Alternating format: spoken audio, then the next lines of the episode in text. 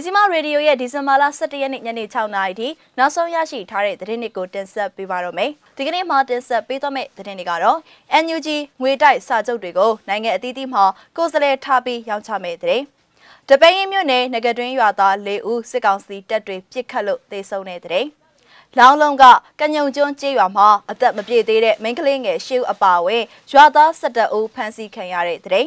ရုရှားရဲ့မေကွန်ထုတ်ရမယ့်မီဒီယာလွတ်လပ်ခွင့်အကြောင်းအစရှိတဲ့သတင်းတွေကိုတင်ဆက်ပေးသွားမှာပါ။ဦးဆောင်သတင်းအနေနဲ့ NUG ငွေတိုက်စာချုပ်တွေကိုနိုင်ငံအသီးသီးမှာကိုယ်စားလှယ်ထားပြီးရောင်းချမဲ့သတင်းကိုတင်ဆက်ပေးပါမယ်။အမျိုးသားညီညွတ်ရေးအစိုးရ NUG ကတော်လှန်ရေးရန်ပုံငွေအတွက်ရောင်းချနေတဲ့ငွေတိုက်စာချုပ်တွေကိုနိုင်ငံအသီးသီးမှာအယောင်ကိုယ်စားလှယ်ထားပြီးမကြမီအချိန်မှာစတင်ရောင်းချပေးသွားတော့မယ်လို့ NUG ရဲ့ပြည်တွင်းအခွန်များဦးစီးဌာနကဒီကနေ့ဒီဇင်ဘာလ17ရက်နေ့မှာထုတ်ပြန်လိုက်ပါတယ်။ဒါကြောင့်မို့လို့နောက်ပိုင်းမှာငွေတိုက်စာချုပ်တွေကို NUG အစိုးရထံမှဓာတ်ရိုက်ဝယ်ယူစရာမလိုဘဲနဲ့မိမိရောက်ရှိနေတဲ့နိုင်ငံအတွင်းမှာရှိတဲ့ NUG အစိုးရငွေတိုက်စာချုပ်အယောင်ကိုယ်စားလှယ်ထံကနေတဆင့်ချိတ်ဆက်ဝယ်ယူရရှိနိုင်မှာပဲဖြစ်ပါတယ်။နိုင်ငံအသီးသီးမှာကိုယ်စားလှယ်ထားရှိမှာဖြစ်ပြီးတော့လွယ်ကူလျင်မြန်စွာဝယ်ယူရရှိနိုင်မယ်လို့ NUG အစိုးရရဲ့ပြည်တွင်းအခွန်များဦးစီးဌာနကကြေညာထားပါတယ်။ ဒါအပြင် NUG အစိုးရရဲ့ငွေတိုက်စာချုပ်တွေကိုမြန်မာပြည်တွင်းမှာလည်းမကြမီဝယ်ယူရရှိနိုင်တော့မှာဖြစ်ပြီးတော့ KIO ရဲ့ငွေကြေးပို့ဆောင်သောစနစ်အုပ်ချုပ်ရေးနဲ့ဗန်စနစ်များအတိုင်း Kitchen Political Interior Coordination Team KPICT နဲ့ပူးပေါင်းပြီးတော့ဆောင်ရွက်သွားမှာဖြစ်ကြောင်းလည်းသိရပါတယ်။ ငွေတိုင်းစာချုပ်ဝယ်ယူနိုင်မဲ့နီလန်တွေနဲ့ရောင်းချသွားမယ့်အစီအစဉ်အသေးစိတ်စတင်ရောင်းချသွားမယ့်နေ့ရက်တွေကိုပြန်လည်ထုတ်ပြန်ပေးသွားမယ်လို့ NUG ပြည်ရင်းခွန်များဦးစီးဌာနကပြောပါတယ်။ NUG ရဲ့အထူးငွေတိုင်းစာချုပ်ကန်ဒေါ်လာတန်း1000ဘို့အနက် R series ပထမအသုတ်နေနဲ့ကန်ဒေါ်လာတန်း200ဘို့ကိုနိုဝင်ဘာလ22ရက်နေ့ကနေစပြီးစတင်ရောင်းချပေးခဲ့ရမှာအဲ့ဒီနေ့မှာပဲနိုင်ပိုင်းအတွင်း American Dollar 6တန်းဖိုးခန့်ရောင်းချနိုင်ခဲ့ကြောင်းလည်းသိရပါတယ်။ နှစ်နှစ်သက်တမ်းရှိတဲ့အထူးငွေတိုက်စာချုပ်တွေကိုကန်ဒေါ်လာစုစုပေါင်းတန်းတထောင်ဘိုးရောင်းချရန်အစီအစဉ်ထားပြီးတော့ဒေါ်လာ100 900 1000 9000စတဲ့စာချုပ်ပုံစံ၄မျိုးနဲ့ရောင်းချပေးနေခြင်းပဲဖြစ်ပါတယ်ရှင်ဆက်လက်ပြီးတော့တပင်းရင်မြို့နယ်ငကရင်းရွာသား၄ဦးစစ်ကောင်စီတွေပြစ်ခတ်လို့တေဆုံးတယ်လို့ဒေသခံတွေပြောတဲ့သတင်းကိုတင်ဆက်ပေးကြပါမယ်။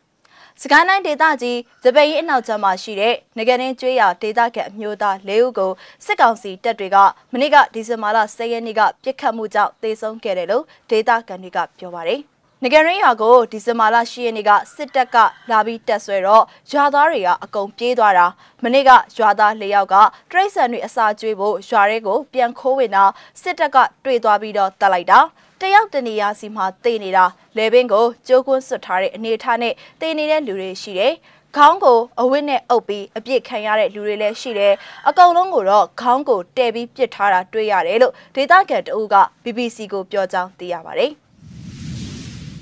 ဆက်လက်ပြီးလောင်းလုံးကကညုံကျွန်းကျေးရွာမှာအသက်မပြေသေးတဲ့မိန်းကလေးငယ်ရှစ်ဦးအပါအဝင်ရွာသား၁၁ဦးအဖမ်းခံရတဲ့တဲ့ရင်ကိုတင်ဆက်ပေးပါမယ်။ တနင်္သာရီတိုင်းတဝဲခရိုင်လောင်းလုံးမြို့နယ်ကကညိုကျွန်းကျေးရွာတွေကိုပြီးခဲ့တဲ့ဒီဇင်ဘာလ9ရက်နေ့ကစစ်ကောင်စီတပ်တွေဝင်ရောက်ခဲ့ပြီးရွာသားစစ်တပ်ဦးကိုဖမ်းဆီးခဲ့တယ်လို့ဒေသခံတွေကပြောပါတယ်။ဖမ်းဆီးခံလိုက်ရတဲ့ရွာသားတွေထဲမှာအသက်73နှစ် အရွယ်မိန်းကလေးတဦးအပါအဝင်အသက်မပြည့်သေးတဲ့မိန်းကလေး10ဦးနဲ့အမျိုးသား3ဦးပါဝင်တယ်လို့ဒေသခံတွေကပြောပါတယ်။ရွာအနားကတင်ကြိုင်မှာစစ်ကောင်စီတပ်တွေကလက်နက်တွေရှာတွေ့ထားပြီးရွာရဲကိုဝင်လာတော့ရွာသားတွေကကြောက်ပြီးထွက်ပြေးတာလဲလုံနေတဲ့အလုပ်သမားတွေအဖမ်းခံရတယ်။အဲ့ဒါကိုလက်နက်နဲ့အတူမိတယ်ဆိုပြီး Facebook ပေါ်မှာတက်နဲ့နှီးစက်တဲ့သူတွေကထုတ်ပြန်လာတယ်။ လက်နက်နဲ့လည်းတယောက်မှမမိဘူးလက်နက်ကတင်းချိုင်းနာမှာတွေ့တာရွာသားတွေကိုလက်နက်နဲ့မိတဲ့ပုံစံလုပ်ထားတာပါလို့ဒေတာကန်တအုပ်က BBC ကိုပြောကြောင်းသိရပါတယ်ရှင်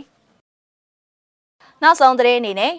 ရုရှားရဲ့မေကွန်ထုတ်ရမယ့်မီဒီယာလွတ်လပ်ခွင့်အကြောင်းကိုတင်ဆက်ပေးကြပါမယ်။သတင်းပြေဆုံးကိုတော့ရုပ်သံဖိုင်မှာရှုစားကြည့်ပါဦးရှင်။နိုဘယ်ငြိမ်းချမ်းရေးဆုရရှိခဲ့တဲ့ Novaya Gazeta သတင်းစာရဲ့အက်ဒီတာချုပ်ဒီမီထရီမူယာဒိုဆိုတာက